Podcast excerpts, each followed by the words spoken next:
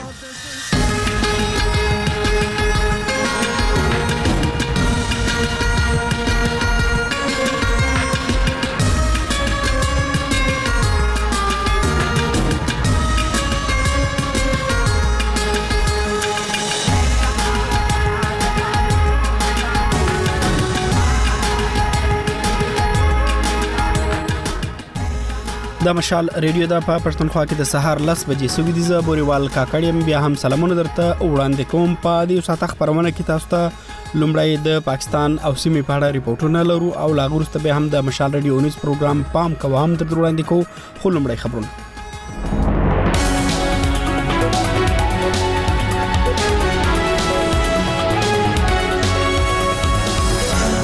د مهمو خبرونو سره ټکی په خبر پښتونخوا کې د باران له کبله د مړو شمیر اوس لږ تر لږه یو ویشت رسیدل دي د پاکستان د قومي اسمبلی غړي نن د راتلونکو 15 کال لپاره وزیر اعظم ټاکي امریکا وايي اسرائیل په بنیادی توګه په غزه کې د اوربند پر چوکاټ او د يرغمل سویو پر خوشی کولو سلاسولې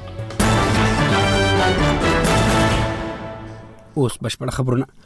په خیبر پښتونخوا کې د باران له کبله د مړو شمیر اوس لږ تر لږه یو ویشت رسیدلې دي په سواد کې د ژغورونکو ادارې ویاندې شفیقه ګل نن مشال رډي ته ویلي چې بیګا د مټي تحصیل په چارتیکل کې د یو کور نړیدو په پیښه کې لږ تر لږه څلور تنه وژل شوی دي د دوی په وینا په دې پیښه کې نه تنه تر ملبلاندې سوي وو چې څلور وژل شوی دوه په ژوبل حالت کې راستل شوی او د پاتې د رایستو هڅې روانې دي دا په داسې حال کې دا چې په خیبر پښتونخوا بلوچستان کې له تیرو څو ورځو راهیسې روانو زیاتو بارانونو پراخه مرګ ژوبله اړولې ده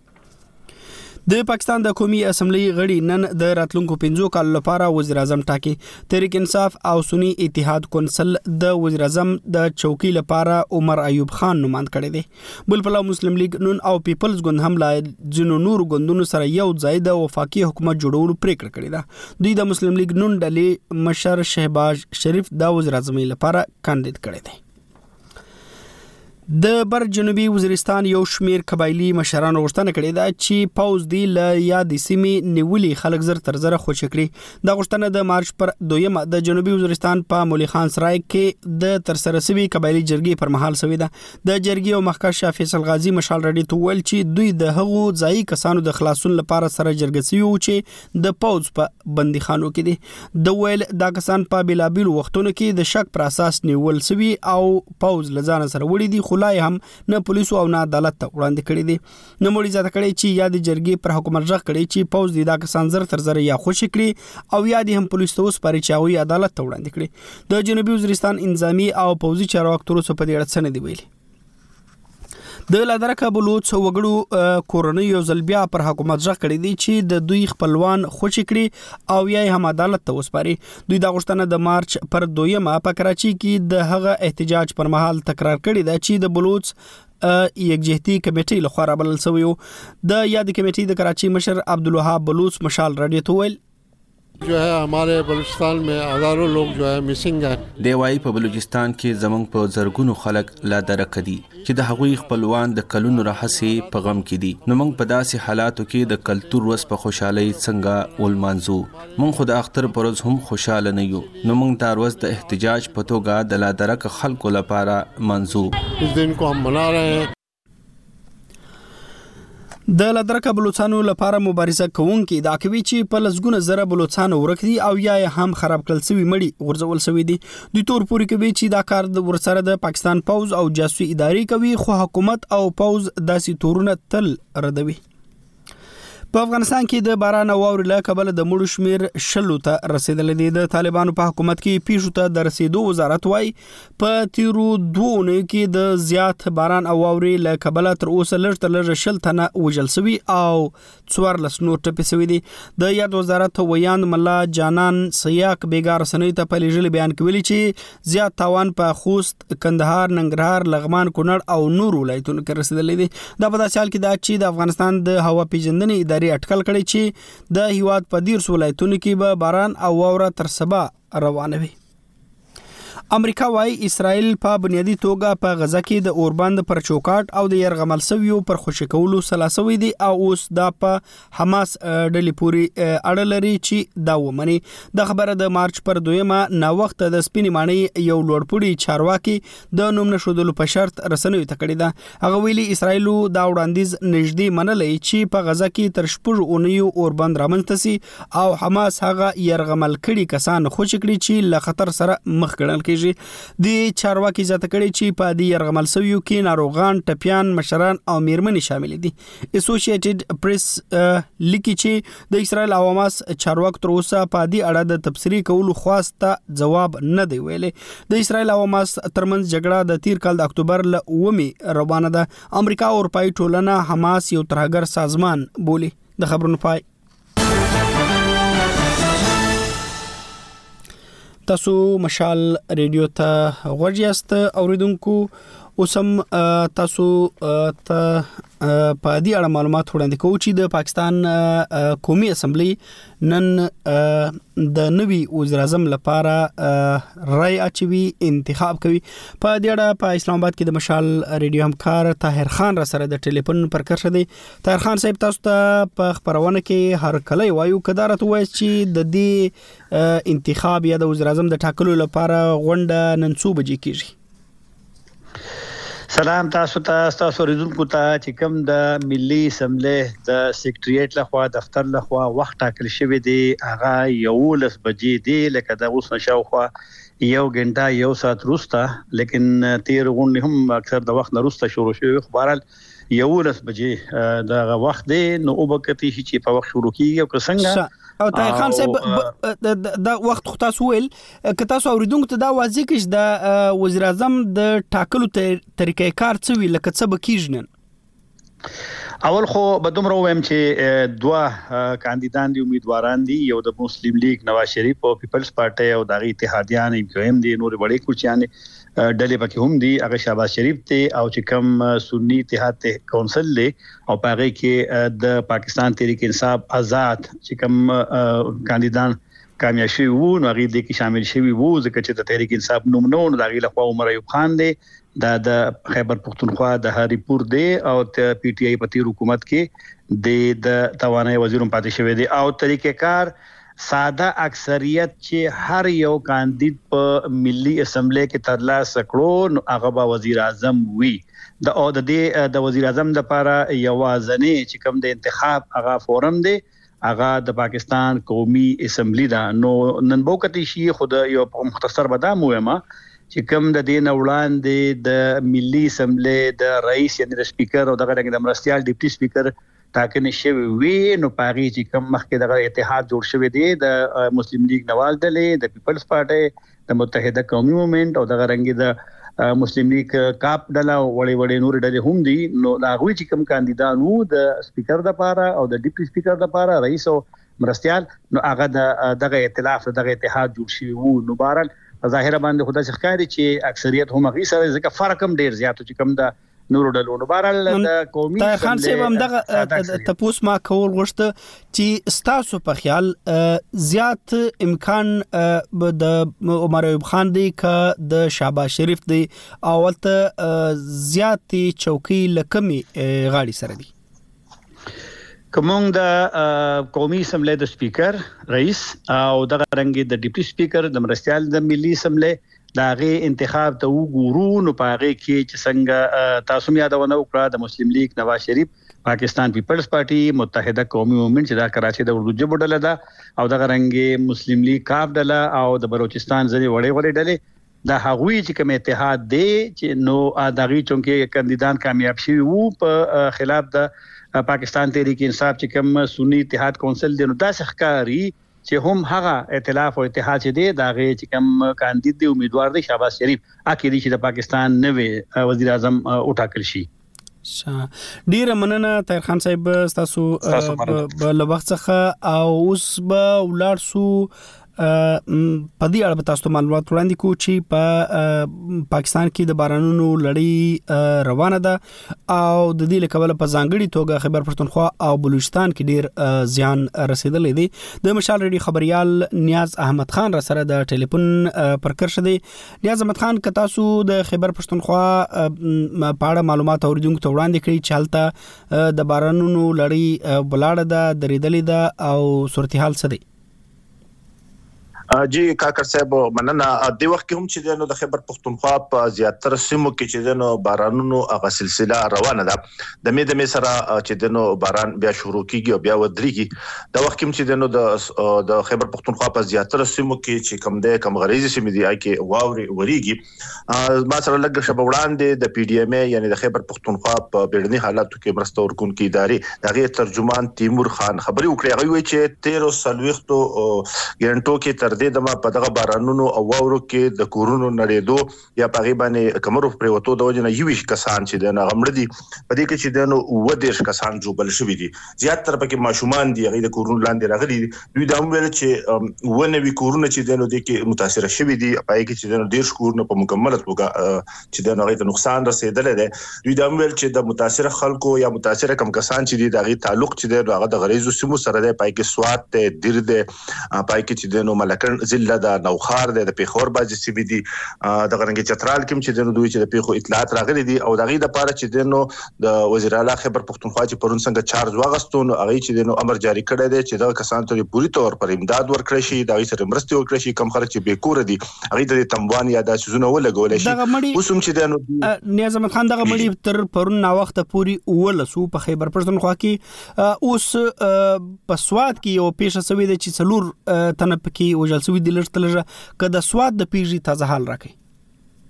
بالکل د سوات مټه علاقه د چارتیکل چې دا ډیره لري غریزه سی به دا بیګا پرون ما خام هغه کې یو کور چې د نو را پرې وته پای کې نه کسان دغه نه لاندې شو نو هغه کې چې د بیګا د شپې پورې چې کم د ریسکیو یو یو دوه دوه هغه کسانو یې کار کولو مقامي خلکو کار کول سلور مړي او دوه زخمیان دغه نه راوستل شول هغې چې کومه ترجمانه ده شفیقه ګل هغې مشال ریډو ته وویل چې بیا بېګا د شپې هم واوره ورېده هم باران و نو هغه اپرېشن ودرول شو او سهار بیا شروع شوي دي هغوی چې درې کسان اوس هم دوی ته چې دی نو داسې ښکاري چې د دغه کور د لاندې شوي دي نو دغې سره بیا دا شمېره یوویشت ته ورسېده خو زه به دې سره دا هم وایم چې د سوات بیا د کالام کومه سیمه ده دغه ځای کې هم چې دی نو یو اوولس کوم سیلانیان راغلي وو هغوی چې دی نو هم ګیر شوي وو چې او په لاره باندې یو غټ د واورې کمر راپرېوتو نو هغوی لپاره چې دی نو بیا د ریسکیو ون ون ټو ټو کوم اهلکار دي هغوی نه شو رسېدای هغوی چې زموږ ګاډي هم دغه ځای کېنښلي نو مقامي خلکو هغوی ته مرسته ورکړه او څه کسان یې په کورونو کې او څه هوټلو کې هغوی ورکړل هغوی ته پناه ورکړه دغه روډ چې دی نو اوس هم په سهار په هغې باندې کار شروع شوی دی چې هغه به کولاویږي د کالام روډ چې دی نو هغه تر دې دمه بند دی. دغه رنګ ملم جبه چې دین هغه هم چې دین دغه روډ تقریبا بند دی او میلمانه چې دین هغه برسینو ته نه پرې خوځای کیږي اوس داسې اطلاع راغله چې په شنګله کې د بشام کم مین سړک چې دی پغیم چې دین غر را پرې وته او د بشام او د سواد چې کم مرکزی سړک ته هغه هم چې دین بند شوی دی او خلکو ته چې ډېر زیات مشکلات دي نو دغه سه رو رو د اطلاعات راځي چې دغه شمیره نورم سیوا کې دي چې د مرګ او د جوبله او د نقصانونو مننه د مشال ریډي خبريال نیاز احمد خان استاد ته په خبر پښتونخوا کې د باران او اور لکبل د رمستسوي تاوان پاړه معلومات درکول مشال رادیو پر خبرونو او رادیوي او ویډیوي راپورونو سربېره ستاسو لپاره ځانګړي اونیزې خبرونه هم لري او ریدل او لیدل یې مهیروي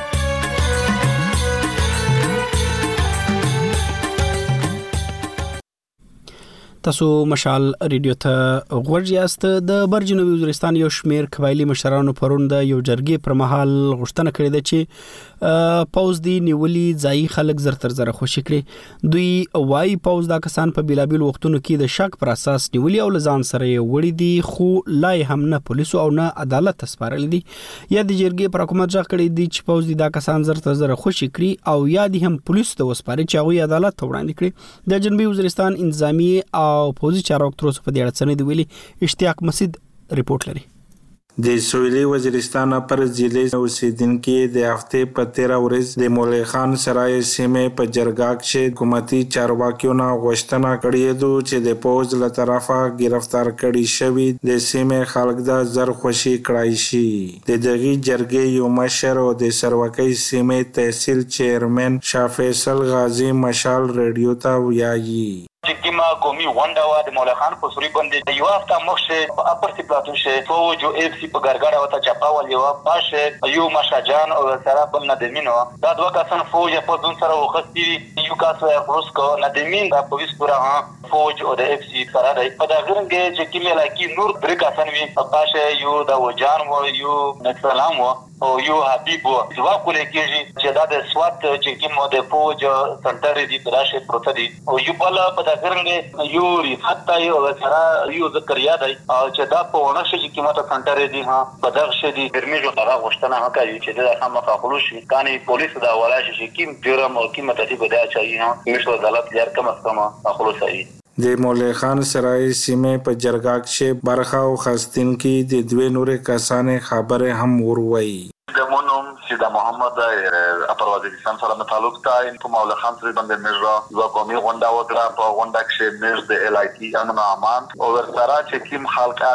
ګرفتار کړی دی. په مختلف نامینه باندې میژ د هغه د خلاصاولو غوښتنه وکړله. درسره دا کیسه وکړله چې مختلفې علاقې چې اپریشنی نه کیژي د شکوک او شبهات په بنیاد باندې چې کیم خلک چې ګیژي کم از کم که ادغ دې وری هم د دون سره بیا دی په هغه بنیاد باندې پولیس ته په حواله کوي چې عدالت په ترو باندې په هغه باندې څه حق جرم ثابت کیژي میژ او مطمئین وي. د منم صدیق صاحب د دیولډ سریوټی چیرمین یم میږ دغه غونډه سره غوښتی وه د علاقی د امن امان په باره کښی میږ دا غوړی چه په علاقه کښی مو امن هروشی میږ سیول اداری شته ده پولیس د میږ شته ده علاقه مو ابوده دو بهر تحصیل بنده بقایده پولیس چه بستی نه ها جوړ دی یه ټونی ها جوړ شوی دی نو چه دا سه دغ دی اپریشن کاوی پچار دو چه دغ دی پولیس اعتماد سه ورسره وخلی و د اپریشن پولیس په ترو بنده کاوی. مشال رېډيو چې د سروکۍ سيمې اوسېدنکي غوښتنې په باره کښې د سويلي وزريستان پوليسو مشر ملک حبيب سره د تماس نيولې بار بار هڅه وکړه خو هغوي خپل موبايل پورته کول خواش نه کړل اونه تر دا وخت پورې په سيمه کښې پوځي چارواکيو د ګرفتار کړي شوي کسانې په باره کښې څه ويلي دي. خو د مولي خان سرای جرګې مشرونې دا هم وویل چې که پوځي چارواکیو د سیمې نه ګرفتار کړي شوي کسان زر خوشي نه کړل بیا به د سیمې اوسیدنکي په لوی احتجاج لوس پورې کولې بنې به مجبور وي. اشتیاق مسید، مشال ریډیو، ډیره اسماعیل خان. دا مشال رادیو ده تاسو مشال رادیو ته غوږیاست د لادرکه بلوچ وګړو کورنۍ ځل بیا د خپلوانو لپاره په کراچي کې احتجاج کړی دی دوی پر حکومت ځخ کړی دی چې د دوی خپلوان خوشی کړي او یا هم عدالت ته وسپاري د له درکه بلوڅان لپاره مبارزه کوونکي ادعا کوي چې په لسګونه زره بلوڅان ورک دي او یا هم خراب کړل شوی مړي غورځول شوی دي دوی تور پور کوي چې دا کار ورسره د پاکستان پوز او جاسوسي ادارې کوي خو حکومت او پوز تل دا تورونه رد کړی دي د مشال ریډي خبريال نیاز علي په دې اړه رپورت لري په کراچۍ کې پرون د مارچ په دویمه یاده احتجاجي غونډه بلوچ یکجهتي کمېټۍ راجوړه کړې وه چې په ګڼ شمېر کې پکې د لادرکه بلوڅانو خپلوانو او مدني فعالو ګډون وکړو. احتجاج کوونکو د کراچۍ آرټس کونسل څخه تر پرېس کلبه پورې لاریون وکړو او د خپلوانو د خوشي کولو لپاره یې نارې وهلې. مهرنګ کی شکل مې سیما کی شکل مې صحرا کی شکل مې.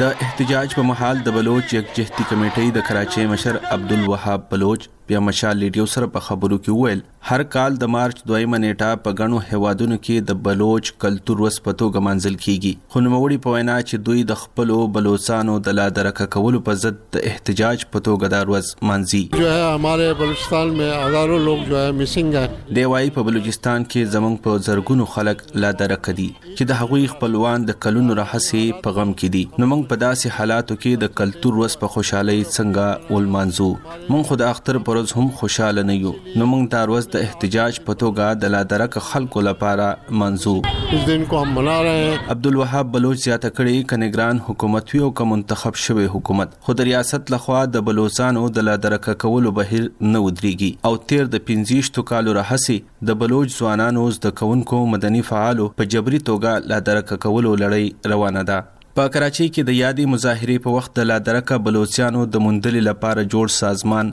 وایس پار بلوچ میسنګ پرسن غړي او د لادرکه ډاکټر دین محمد بلوچ لور سیمې دین بلوچ بیا مشال لیډیو ته وویل موږ د خپلوانو د راخوشي کولو لپاره هر قانوني او پر امن لار اختیار کړې ده خو ریاست موږ د لادرکه خپلوانو لپاره غږ پورته کولو ته هم نک پرېږدي بلوچستان میں جس طریقے سے حالات لائے گئے ہیں دا وايي په بلوچستان کې چې کوم حالات جوړ کړل شوي دي د دې ذمہ وار حکومت او ریاستي ادارې دي او بلوچ ولس سره د مزاحمت پرته بل چاره نشته موږ به خپل مزاحمت نور هم تیز کړو او نن هم موږ د لادرک خپلوانو په یاد کې راغون شوي یو کوم شدا لوګو کو یاد کرتے سیمه دین بلوچ زیاته کړې د کراچۍ بلوچستان ترڅنګ په اسلام آباد کې هم بلوچ زده کوونکي د ریاستي ادارو په نخښه دي. سیمي دین بلوڅ په وینا د اسلام اباد او پنجاب په پوهنتونونو کې ګڼ شمیر بلوچ زده کوونکي امنتي ادارو پورته کړي دي او دغه زده کوونکي لا روک دي. دا په داسې حال کې چې د پاکستان نګران وزیراعظم انورالحق کاکړ د فرورۍ په اتیشتمه د روکو بلوچ زده کوونکو په مقدمه کې اسلام اباد هايي کورټ ته حاضر شوی وو.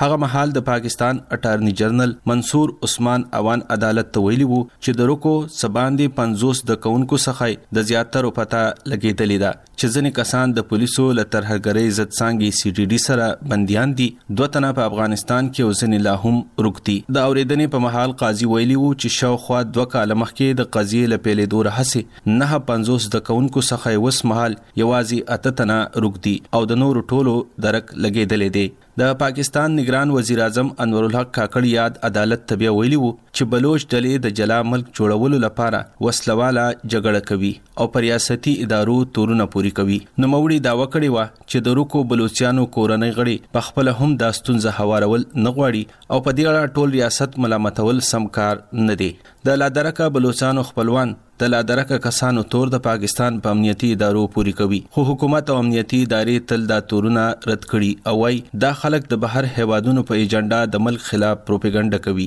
د لا درکه بلوچستانو خپلوانو د مارنګ بلوچ په مشرۍ د ماورای عدالت وجنو او د خلکو د روکولو په ضد تیر کال د دسمبر په شلمه اسلام آباد کې احتجاجي پرلت پیل کړی وو چې د جنورۍ په څلېرویشتمه بیا پای ته ورسید. هغه مهال پرلتوالو ویلي وو چې د پاکستاني چارواکو د یري، ګرفتاریو او په حراست کې د ساتلو له کبله دوی خپل احتجاج ختمولو ته اړ شول، خو د اسلام اباد پولیسو پر بلوچ پرلتوالو د تشدد او ورسره ناروا چلند تورونه رد کړي دي. نیاز علي، مشال ریډیو، کراچۍ.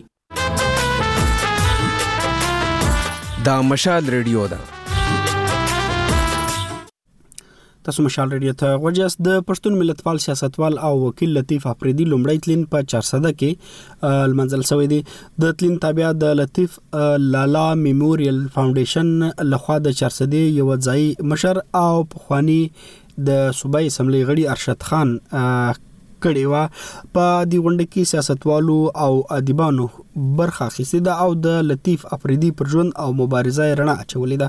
راشد خټک په دې اړه رپورټ لري د خیبر پښتونخوا د چرسدې ضلع په تاریخي سیمه سردریاب کې د مارچ په دویمه نیټه د پښتون کمپرست او ترقي پسند سیاستمدار او وکیل لطیف اپریدي لومړی تلین ولمنځل شو د تلین تابیا د لطیف لالا میموریل فاونډیشن له خوا د چرسدې ځايي مشر او پخواني ایم پي ارشد خان په حجره کې وشوه. د پښتونخوا د بېلو بېلو سیمو نه ترقي پسند او قم پرست سیاسي کارکنانو، مزدورانو، شاعرانو او لیکوالانو په دې غونډه کې ګډون وکړو. د لاهور نه صحافي او سیاستمدار امتیاز علم هم په غونډه کې د ګډون لپاره په خاصه توګه راغلی و. غونډې ته د وینا په مهال ارشد خان وویل. راکړي نو دا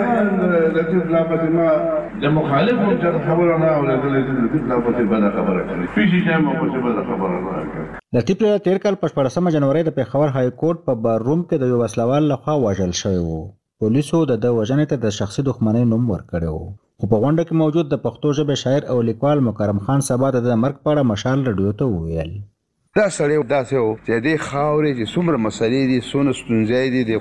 قام چې څونه بیماری دي، دی د یو سماجی طبیب او د یو سیاسی طبیب په هغې باندې پوه و او د هغې علاج یې خلکو ته په ګوته کړی و او د هغې وجه وه چې د هغې علاج د په ګوته کولو دی نن زموږ نه چا د دې ځای نه په دې ځای کې دی په ذاتی دشمنو کې نه دی تللی، دی د هغه خپل قام د خپل ولس د خپلې خاورې لپاره دی تللی دی. هغه خلک دلته کې داسې ادارې او داسې قوتونه شته چې هغه دغسې قام خلک نه برداشت کړي هغوی ته مسلې را پیدا کړي.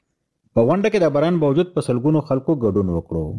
د غونډې ګډونوالو ته د عوامي نېشنل پارټۍ مشر حاجي غلام احمد بلور، د عوامي ورکرز پارټۍ اخوندزاده حیدر زمان، د پېښور نوي منتخب شوي اېم پي اې ملک طارق اعوان، د پښتون ژغورنې غورځنګ ډاکټر مشتاق او نظیب خان، دانش اپریدي، اختر علي شاه، مختیار باچا، شیخ جهان زاده، اطلس خټک، اقبال خان، طیب الله خان او د وکیلانو مشرانو ویناوې وکړې. د غونډې په اړه نظیب خان مشال رډیو ته وویل. دا غونډه د لطیف لالا د قربانو، د منډو تړلو او د سیاسي جدوجهد په حواله باندې د هغه په درناوي کې دلته جوړه شوې ده. د دې باران په وجه پرې اثر وغورځېد. خو بیا هم خلکو همت کړی دی، لطیف لالا ته ډېرو خلکو خپل خراج تحسین پېش کړ، د هغه په مبارز ژوند باندې قانون د لارې خدمت کړی دی، ډېر ملګري وو، افضل بنګش، شېر علي باچا، دا د هغه د وخت ډېر قدرمن مشران وو، مهدي شاه باچا دي، اجمل خټک دي او نور. لطیف لالا په کال نولس سوه درې څلوېښت کې په خیبر ضلع کې زېږېدلی و. او په کال نولس سوه او اته شپېته کې د ایللبي ډګري اخیستې وه.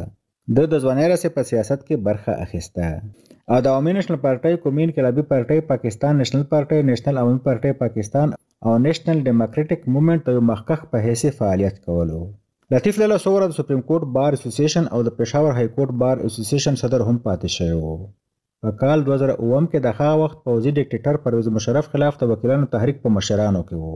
او د یو جلوس په وخت د پولیسو د موټر د ټکر له وجې یې پښه هم ماته شوې وه.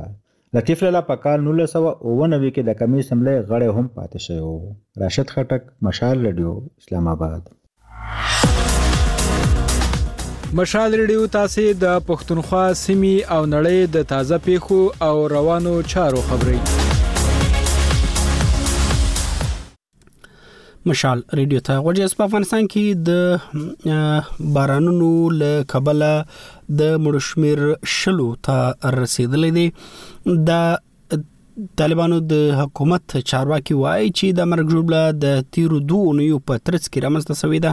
د دوی په وینا زیاته مرګ ژوبله په کندهار ننګرهار کونړ او ځینو نورو ولایتونو کې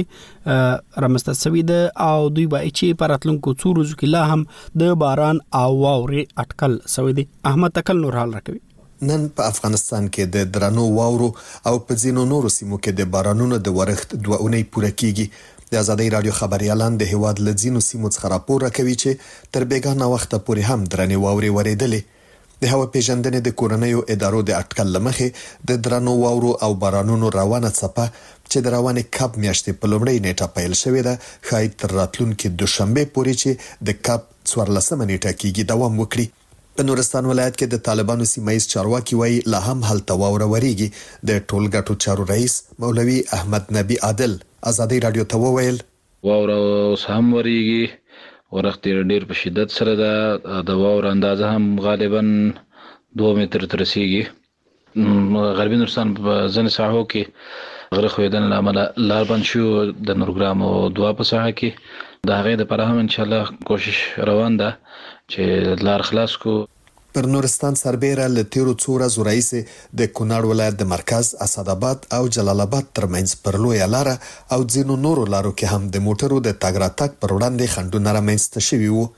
خو په کونړ کې د طالبانو د ټولګټو چارو رئیس قاري قدرت الله معاذ بېګا ازادۍ راډیو ته وویل چې د دې ولایت د مرکز او ولسوالیو ترمنځ لارې چې ځینې یې تر پرونۍ ورځې پورې بندې وې اوس خلاصې شوې دي خو په عین حال کې د کونړ د پېښو پر وړاندې د مبارزې د ریاست د زیانونو د ارزونې د څانګې مشر احسان الله احسان تېره شپه ناوخته ازادۍ راډیو ته د هغو زیانونو جزیات ورکړل چې وروستیو وریاوو په کونړ کې اړولي دي. د وروستیو اورښتونو له امله تر اوسه پورې په کونړ کې شپږ پنځوس کورونه زیانمن شوي دي چې زیات یې په اسداباد کې دي او همدارنګه په اسداباد کې د یو کور د چت د غورځېدو له امله څلور نفر شهیدان لرو او درې نفر ټپیان همدارنګه یو تعداد مالداري هم زیانمنه شوې ده چې زیاتې په خاص کونړ کې د کوچیانو ده په غزني کې هم د مرکز او غرنیو سیمو ترمنځ لارې بندې شوې دي چې د خلاصون لپاره یې هڅې روانې دي. د غزني د ټولګټو چارو د ریاست چارواکو ازادۍ راډیو ته ویل چې د مرکز او اجیرستان، مالستان، ناور او جاغوري ولسوالیو ترمنځ لارې بندې دي. د اجیرستان یوه اوسېدونکي روح الله ازادۍ راډیو ته د هغو ستونزو یادونه وکړه چې دوی د لارو د بندېدو له کبله ورسره مخامخ دي. زمه یې زموږ لارې ډېرې زیاتې خرابې دي، موږ نه شو کولای چې یو مریض موږ نږدې روغتیايي کلینیک ته ورسوو یا ښار ته ورسوو، حتی موږ نه شو کولای چې دا نږدې ولسوالۍ ته موږ یو خپل مریض ورسوو، نو موږ له دولته غواړو چې ترڅو موږ ته لارې جوړې کړي او لارې راته پاکې کړي. په تېرو څو ورځو کې نه یوازې د هېواد په شمال ختیځ، بلکې په نورو سیمو کې هم واورو او بارانونو خلکو ته انساني او مالي زیانونه اړولي دي. پېښو ته د رسېدنې په چارو کې د طالبانو د دولت وزارت پرون په یو بیان کې وویل چې د روانې کب میاشتې د لومړۍ او دولسمې نېټې ترمنځ د هېواد په بېلابېلو ولایتونو کې د سړې هوا، واورې او سېلابونو په پېښو کې شل کسان مړه شوي او څوارلس نور ټپیان دي. په بیان کې یادونه شوې چې دا زیانونه په پلازمېنه کابل او په خوست، کندهار، ننګرهار، لغمان، کونړ، فراه، پروان، کاپیسا، زابل، سمنګان، دایکندي، غور او بدخشان ولایتونو کې خلکو ته اوښتي دي. د دې وزارت د معلوماتو له مخې، په دې ترڅ کې له څلور نیم سوو زیات کورونه نړېدلي او له پنځو زرو زیات څاروي له منځه تللي دي. تاسو مشال ریډیو ته غوږی است په پښتونخوا کې د سار لسنیو بجې سوي دي د مهمو خبرونو یادونه او لاغورسته به تاسو ته پروګرام وړاندې کوو د پاکستان قومي اسمبلی غړي نن د راتلونکو 15 کالو لپاره وزیر اعظم ټاکي ټاکل شوی چې یو لس بجې د وزیر اعظم ټاکلو لپاره غونډه پیل شي او په دې کې به دوه نماندان شیبا شریف او عمر ایوب خان ولاړ وي د دی د ټاکلو لپاره به د پارلمان غړي رائے اچوي او په خبر پښتونخوا کې د باران لکبل د مړو شمیر اوس لرته لږه یو وست رسیدلې دي د لورسه دا چې تیر شپه په سواد کې د کور نړیدو لکبل څلور تن وجل سوي دي یو بل پلو امریکا و اسرائیل په بنیادی توګه په غزا کې د اوربند پر چوکاټ او د يرغمل سویو پر خوشی کولو سلا سوي دي د یو لوړپوړي امریکایي چارواکي په وینا اوس دا په حماس ډله پوري اړه لري چې هغه په دې اړه سلاسي اسرائیل او حماس تر اوسه په دې اړه څه نه دی ویلي اوس هم تاسو ته د مشال رادیو 19 پروګرام پام کوو وړاندې کوو د دې خبرونه کوربه امان الله ناصر دی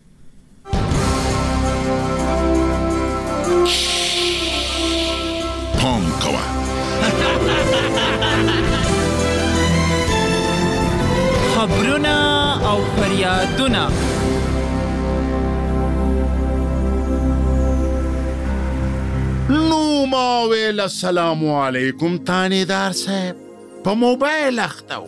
چیټینګ یې کولو راته وی هم نه کتل وای وعلیکم سلام ما ویل صاحب یو ځل راته وګوره دا چې په غوسه راته وویل وای ګورې نه چې موبایل ګورم نو چې موبایل ګورم تا ته څنګه وګورم او ولې وګورم ما ویل تانیدار صاحب زه ګورګین مرچکی ریپورټر د راډیو کمال ریپورټر یم وای او ساري یو خو مونږ د دې ریپورټرانو نه ډیر تنګ یو په چوک چوک ګلې ګلې او روډ روډ ولاړی دا وګوره د دوو تنانو جنگ دی یو د بل ویښته او غوګونه وروشلول پوزې مات شوې پولیس نشته دا وګوره د دې غریب موبایل غلو ترې نه یوړلو پولیس نشته د دې غریب سایکل ورک دی د دې موټر سایکل ورک دی دلته اکسیډنټ وشو هلته سړی اغوا شو پولیس نشته نه تاسو دا راپورچان ماته دا وای چې د دې پولیس سره د الادین چراغ شته او کې په غیبو کې پی ایچ ډی کړې ده یا بیا د پیر غیب بابا شاګردي کړې ده چې غیب دروخه یو غلونی سي یاره پولیس هم ستاسو رنګ انسان دی ها وایا څه پیښه شوې ده سایکل دی ورک شوی دی که موټر سایکل کیمره دی چا در نه پټه کړې ده او کې مایک در نه ځغلولی دی د ریپورټرانو خوارانو خو همدغه سرمایه وي ټیپ ریکارډر خو دی نه دی ورک شوی ما ویل تڼیدار صاحب داسې هیڅ کیسه نه ده وای ښه چې هیڅ کیسه نشته بیا نو زمانه د ادم خان درخانه کیسه غواړي او که د کیسه خوانه بابا د کیسه خان بابا سټوري را باندې اورول غواړي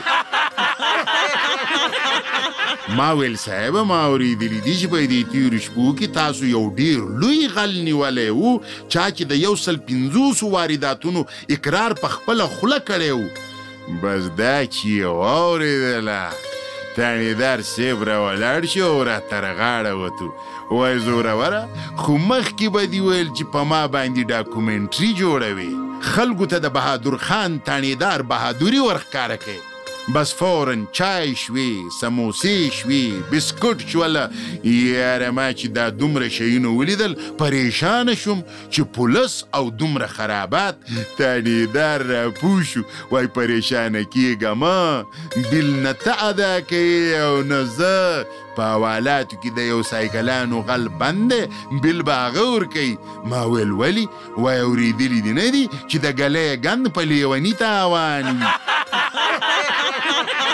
د هغه رنګه د پولیسو که چای وي که کند روټۍ وي که بند په حوالاتو کې په غلو تاوان وي ما ویل جی نو تاسو د هغه مجرم نقل کولو چې د یو سل پنځوس جرمونو اقرار یې کړی دی او بیا مې دا تپوس ترې نه وکړو چې تاسو څنګه خبر شئ چې دا سړی مجرم دی ویې خندله وایي مونږ که زمدی که خبر شوي یو بس د بالا نه فون راغلو وایه لکه دا کس بند که ما ویل ولي وایي ول نه لري بخی ده ما ویل صاحب ټیک ده د فې کمې په ولګوم ووایه چې څومره دفعې دي ټولې پې ولګوه. ما ویل صاحبه دا خو ډیر شریفه کس دی تر ننه د ده خلاف یو اف آی آر هم نشته وای که دې ډیره همدردي ورسره ده نو بیا به په تا اف آی آر کټ کو هغه د ریړې والا نه چې بتالي د تړې والا نه کرایه لې د جیب کتره نه وظیفه لې او داغه غونډه نه چې لفافه لې د ټولو ویډیوګانې را سره شته دي وایرل یې کم ما ویل چې نه صاحبه د پی دي که ټپي دي غلاوي دي که دماغي دي ټولې پې لګوم اخر په ژړا شو وایي ګورګینه چاته وایم د دې پولس هم زندګي زندګي نه بس شرمندګي او شرمندګي ده نو ګرانو ملګرو چې دا د پولس شي نو پریشان اولس شي خو یوه خوشخبري دا ده چې یو فیرنګي یو مشین جوړ کړی دی وای دې مشین ته چې که غل ودروي که ترهګر فراډي ودروي که قبضګر فورا یې ټول حال درکوي حیرانېږئ مه سیده ځو همدغه ساینسدان ته چا چې دا کار نامه کړې ده ساينس دان او د د ماشين او سره پریس کانفرنس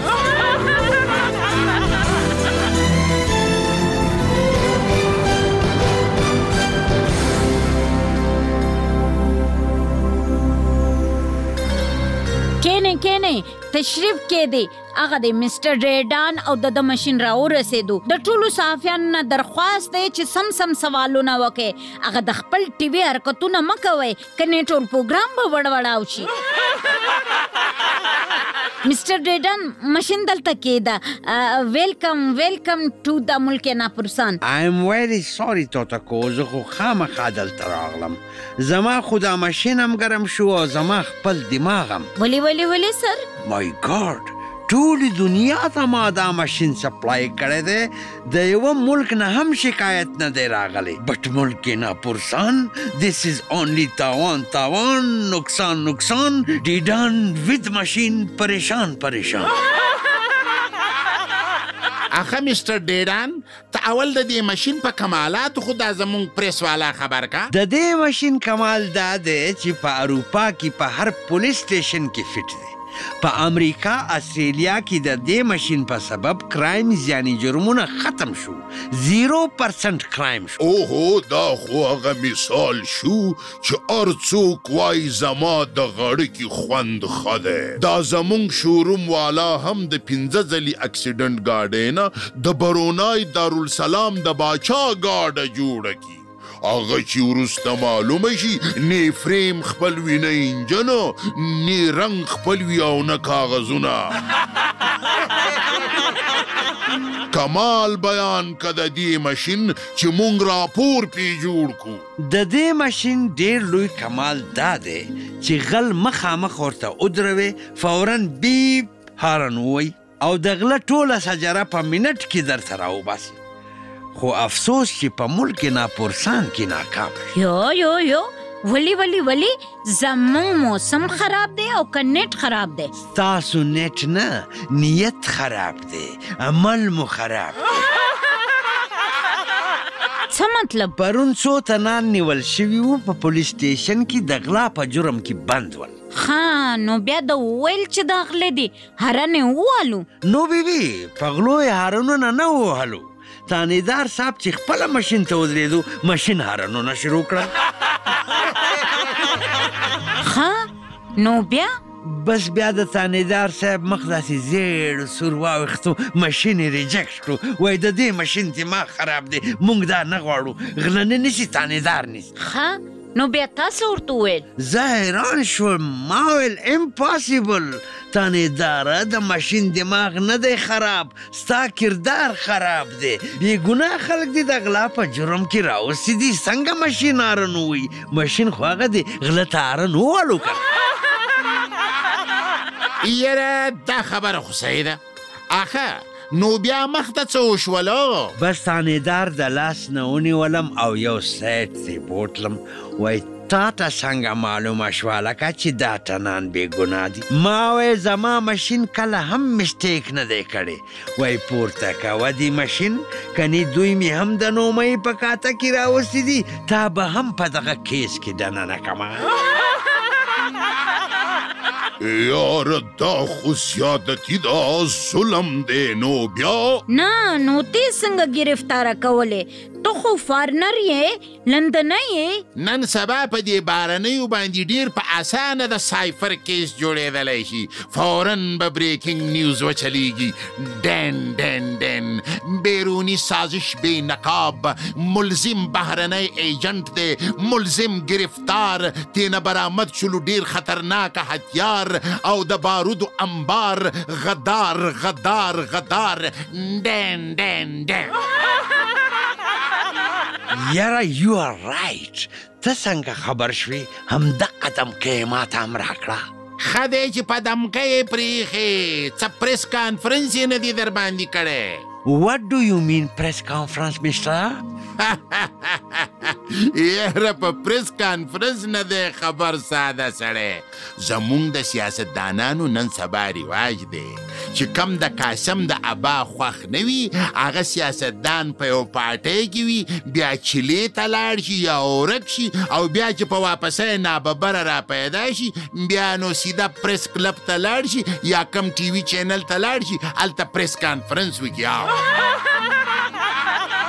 او هو دا سیکریټ خبرې مه کوه داسې نه وي چې سبا بیا ته هلته لاړ شي او بیا پریس کانفرنس وکړي هغه نور سکرپټ خو به دې نو یاد وي چې څه به وای ها ها تو ته کو ډیره مهرباني دا خو صحیح وای ښه شو چې پوه دې کړم کنې زما نو خو به پپو کاکا جوړ کړی وی اخه دا ستاسو ماشین صرف غله نیسي او که نور کمال هم لري دا وګوره دا سویچ دا سویچ د غلو د پاره دی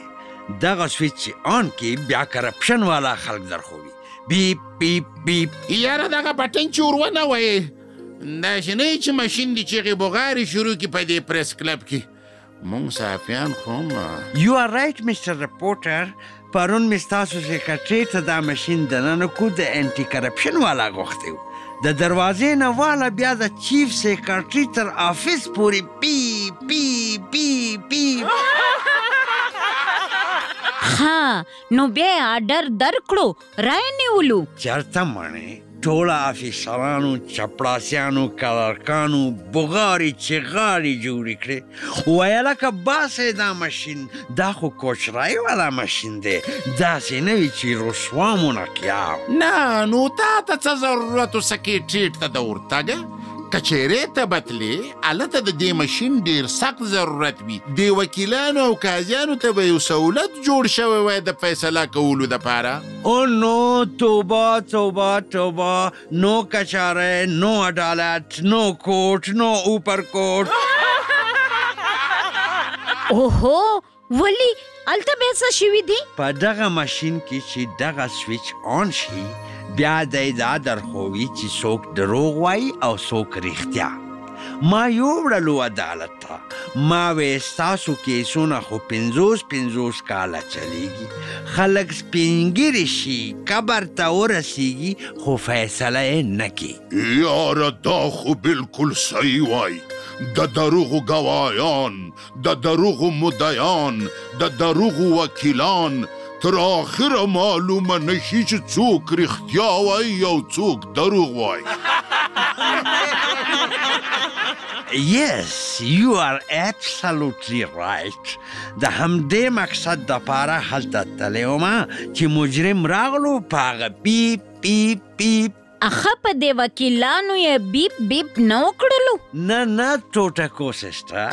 په وکیل یې پیپ پیپ نه دی کړی بلکې چیغې کړې وای پو پو پو بلکې پیو پیو پیو پیو یاره تینک یو ویری مچ مستر ډیډن تا خو مونږ ته ډیر بریکینګ نیوزونه راکړل دا خو پکار دی چې فورن وچلیږي په میډیا باندې کمال دی دماغ ته خراب دی سهار دی لیټر و نه لیدلو چې کدا خبرونه هر چینل و چلول دا هغه به خپل خبر و چلیږي اخه ډیډان صاحب نور هم څه کمال لري دا ستا ماشین وای ناټ دا وګوره دا شوي چې ووایې بیا اصلي او جعلي شیونه درخو نو بیا خو دا یو سرکاري اسپتال ته یوسه چې هلته دا جعلي او اصلي دوایانې وښیي میډیسن خو پرېږده میډیسن والا او که ډاکټر ټیکنیشن او که کمپوډر په هر چا باندې پی پی پی یا لکه ستاسو یو سیز هم داسې دی چې پیپ پیپ پیپ نه وي پکې نه نو که ته غواړې چې چېرته پیپ پیپ نه وي نو بیا زموږ اسمبلۍ ته ورشه او که نه په اسمبلۍ کې بیا هم ډېر ښه خلک شته یو کال وړاندې اسمبلۍ ته هغه ستاسو نیب والا محکمې بوتلی وم وایي که دې څوک په کرپشن ککړ راونیولو زما دې اړي به ولګي. ای یاره په اسمبلۍ کې خو نو ټول معززین دي هلته به نو دې مشین بیا لږ ریسټ کړی وي بیپ بیپ دې نه وي وهلی ها. ریسټ هلته خو چې ورغلو پیپ پیپ یې نه و کړی کنځلې شروع کړو ویې شرمولم. څنګه؟ ولې؟ چاته؟ په څه؟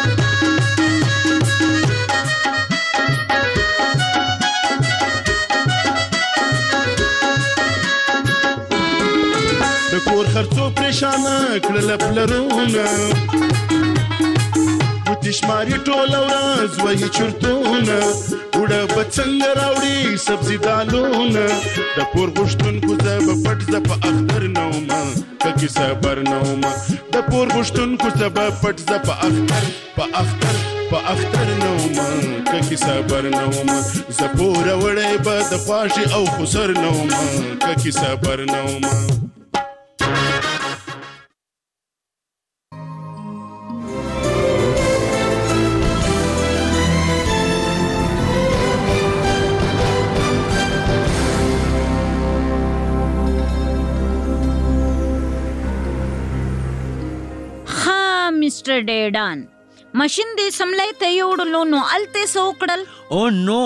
هغه کنځلې کړې دي چې که مې دلته وکړې نشر کېدی خو نشي ستاسې په ټول رپورټ په بیپ بیپ بیپ ولګېږي څه مطلب؟ ولې هغه ستاسې په پروګرام کې چې څوک وایي چې پروګرام تو وړ ګیا بیا چې څه وایي نو تاسو په هغه باندې بیپ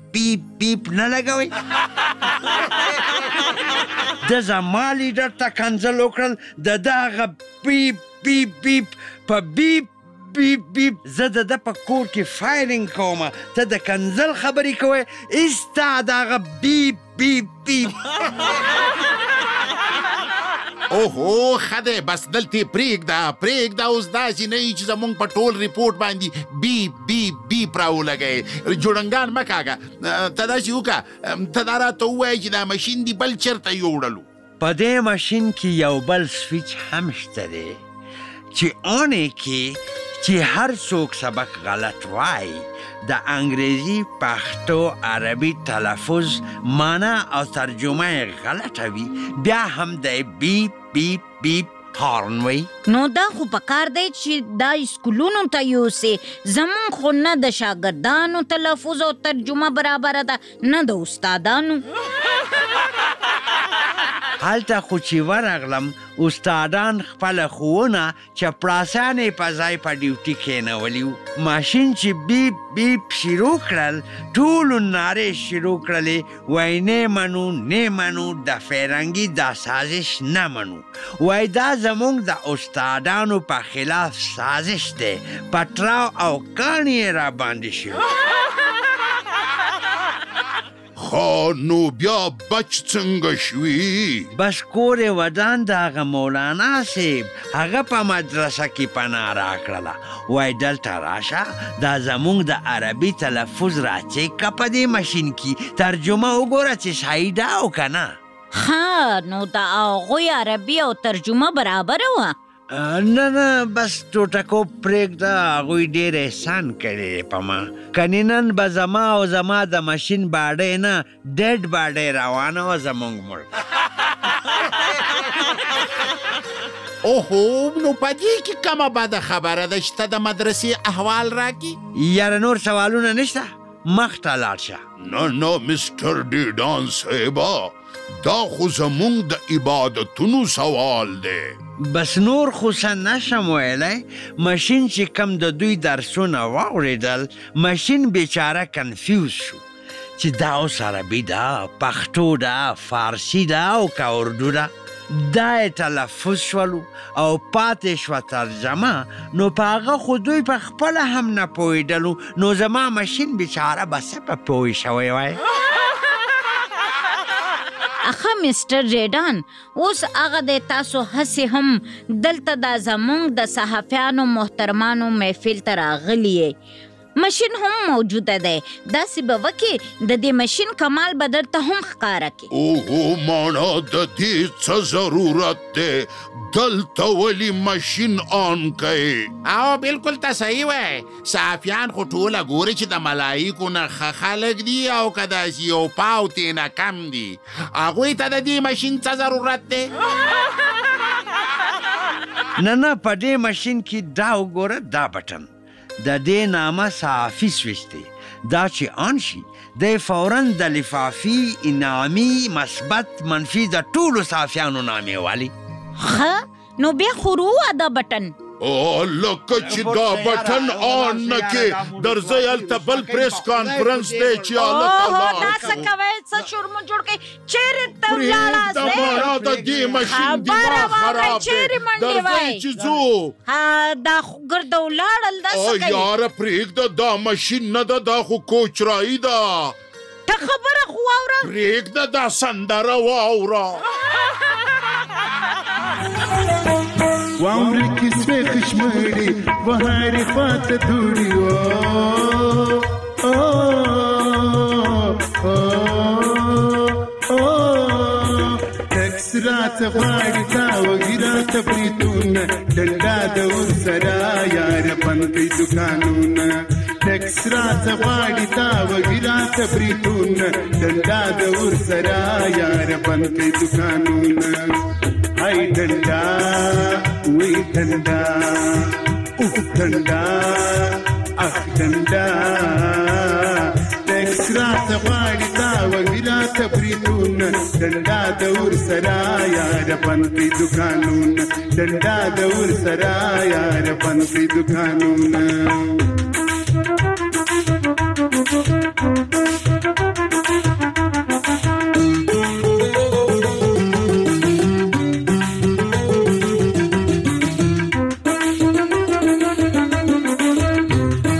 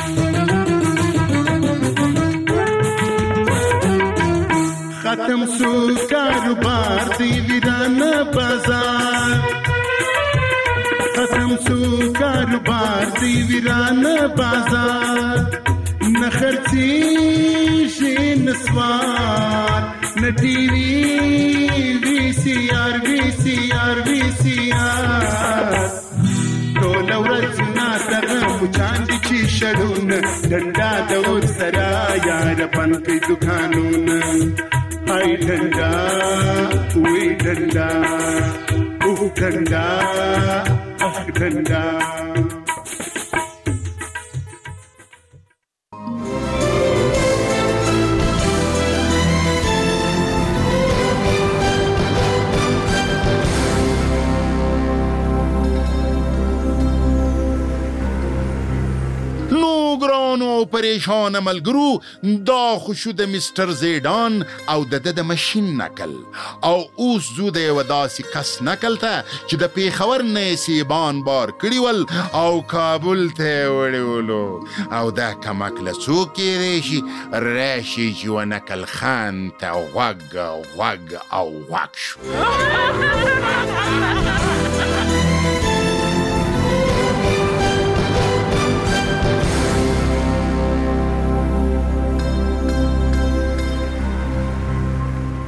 وايي په یو زمانه کې د پېښور یو کس په خره سیوان یا مڼې بار کړلې او کابل ته روان شو چې خرڅ یې کړي حالانکې د کابل خپلې مڼې ډېرې ښې او ګرانې دي خو خیر سړی روان شو د پښو پیدل زمانه وه څو شپې په دې سفر کې ولګېدې نیمې مڼې یې په لاره خرابې شوې او نیمې یې کابل ته ورسولې هلته چا ورته کتل هم نه هغه پاته نیمې بیا په کابل کې خرابې شوې سړی تاوانی او سرګردانی ستړی ستومانه د خپل خره سره بیرته را روان شو پیښور ته خلک د ده حال احوال یا به داسې ووایو چې د ده د کمکلۍ د حال احوال دپاره د ده کور ته ورتلل او ورته ویل به یې چې هلکه تا ته چا وویل دا مشوره چا درکړه چې د پېښور نه مڼې کابل ته یوسه د کابل خو خپلې مڼې ډېرې ښې او خوندورې دي او بیا به خلکو د ده نه د تاوان او ګټې تپوس هم ترې نه کولو نو دې کس به ورته وویلو چې یاره که مې ګټه ونه کړله نو څه وشو زما خره خو د کابل چکر پکې ووهلو دلته نو زما ذهن ته زمونږ دا ځینې سرکاري خلک راغلل دا چې په سرکاري خرچه بهر ځي وایي مونږ به څه راوړو هغه څه را خو نه وړي بس چکرې پکې ولګوي هاو پام کوه د دې سرکاري خزانو لږ احترام کوه په دې مفلسۍ او پوروړي ورځو کې د دې په سود او پور اخستل شوو پیسو ښه انتظام کوه هاو پام کوه پام یو خو بند سوی کاروبار دی هر څوک له ځانه ته بیزار دی